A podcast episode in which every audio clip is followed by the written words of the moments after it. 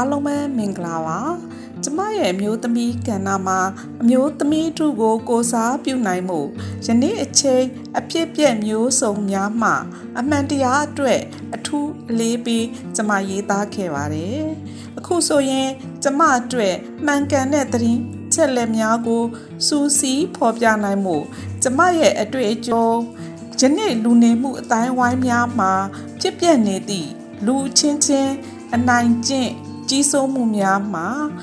အများပြည်သူများသိရှိဆင်ခြင်နိုင်ဖို့ဖော်ပြခဲ့တာလဲအများကြီးရှိနေပါပြီအခုဆိုရင်ဖက်စစ်အာဏာရှင်များကပြည်သူအပေါ်လူတန့်မဒိန်ကျင့်ပြည်သူအပေါ်အာတမနီးနဲ့ငွေညှစ်ဓမြတိုက်အခုလိုမတရားမှုဟုသမျှဟာဥပဒေမရှိစီးလွတ်ပေါင်းလို့ပြင်းမှုမျိုးစုံကျူးလွန်နေကြတာ အာနာရှင်စနစ်ဆိုးရဲ့အကျင့်ဆိုးလမ်းစဉ်တွေပါပဲတနေ့ကဆိုကျမရဲ့ဆွေမျိုးရင်းချတဲ့မှမောင်ဝမ်းကွဲလေးကို PDF ကိုထောက်ပံ့နေဆိုတဲ့ဆွဆွဲချက်နဲ့ရုပ်ရှင်ရုံမှအပြန်ဘာမှရေးရေးရရမေးမြန်းမှုမရှိဘဲစင်ကျင်မဲ့စွာ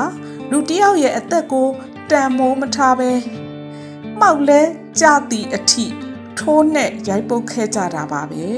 ဒါအပြင်အိမ်ရှိလူဒန်းစိတ်အနူကျန်းစီသည့်အနေအထားဖြင့်ရှိသမျှပစ္စည်းငွေကြေးများကို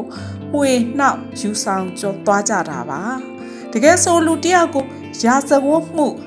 မမြောက်ပဲထိုးနဲ့ရိုက်ပုတ်တပ်ဖြတ်ခြင်းဆိုတာဥပဒေမရှိတရားမရှိမင်းလုံနေတဲ့အာနာရှင်တွေရဲ့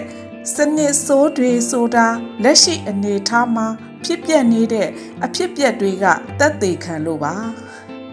ဖုံးကြီးခေါင်းခောက်ပြီးမှကျွန်တော်တို့မှားပါတယ်ဆိုတဲ့အကျန်းဖက်ဖက်စင်များရဲ့အကျင့်စရိုက်ဆိုးများကလူတယောက်ကအသက်မျောမျောနှင့်အနေအထားထိရင်ဆိုင်ခဲ့ကြရတဲ့လူကြီးလူငယ်တွေအများကြီးရှိနေပါပြီ။ ကျမအတွက်တော့အခုလိုတည်အစိုးများကြရချိန်မှာတဦးတယောက်အတွက်လွတ်မြောက်ဖို့ဆိုတာထက်ယနေ့အချိန်ပြည်သူတိုင်းခံစားနေရတဲ့ဆင်းရဲဒုက္ခမျိုးစုံနဲ့လူခွင့်ရွေးတွေဆုံးရှုံးနေကြရတာကိုဘလို့ရင်ဆိုင်ကြော်ဖြတ်ကြမယ်ဆိုတာကိုစင်ကျင်ကြစေလိုပါတယ်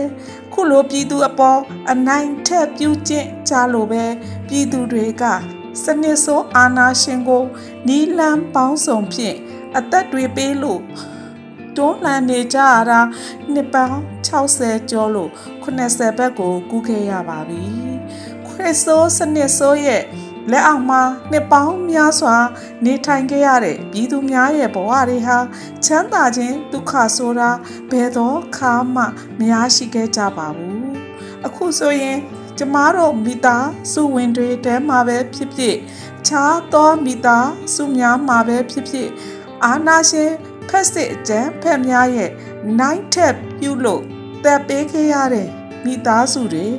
အတွက်လဲအထူးကြေကွဲဝမ်းနည်းခဲ့ရပါတယ်။မနစ်ကဒီချိန်ဆိုရင်ကြည်သူဘတ်တော်သားညာကျိုးပေးခံရပြီးပြည်သူ၅ဦးအတွက် ကျမတို့ပြည်သူတွေပူဆွေးနေခဲ့ရတဲ့အချိန်တွေပါဒီအတွက်ကျမတို့အမျိုးသမီးတိုင်းမှာခံစားခဲ့ရတဲ့